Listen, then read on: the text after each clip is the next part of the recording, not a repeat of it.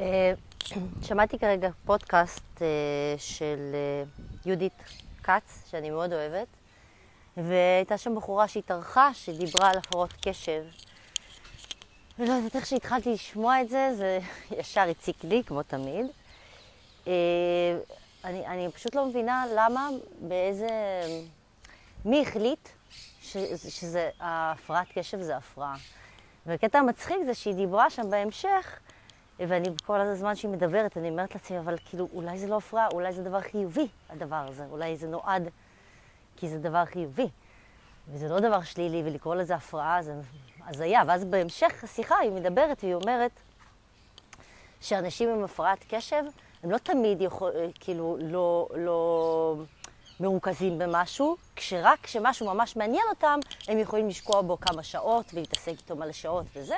רק דברים אחרים שלא מעניינים אותם ולא שמים לב עליהם. עכשיו, אם, אם, אם שומעים את זה ומדברים על זה, אתה אומר, אוקיי, אז אולי אה, זה הדבר הכי חיובי בעולם?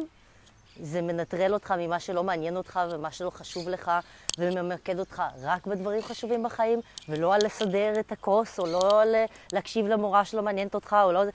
למה זה הפרעה? למה זה לא דבר חיובי? למה לא אומרים, וואו, יש לו fucking מיקוד קשב?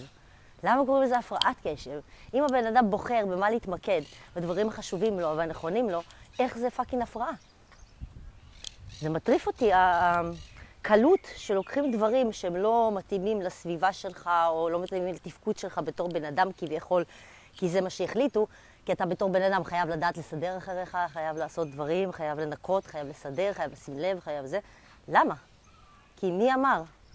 כי המורה שלך מציק לו שאתה לא מקשיב לו בשיעור? כי מה? כי אתה זז יותר מדי? כי אתה לא מקשיב לדברים שלא מעניינים אותך? כי הבן זוג שלך מתעצבן, או בת זוג שלך מתעצבנת כי אתה לא מספיק קשוב?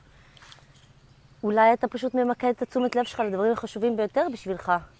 מה, מה יכול להיות יותר טוב מזה? כמה מאיתנו מתעסקים ב-200 אלף דברים שלא מעניינים אותנו ושונאים את זה, לעומת בן אדם עם קשב וריכוז שבעצם מתרכז ומתחשב רק בדברים שחשובים לו ומעניינים אותו.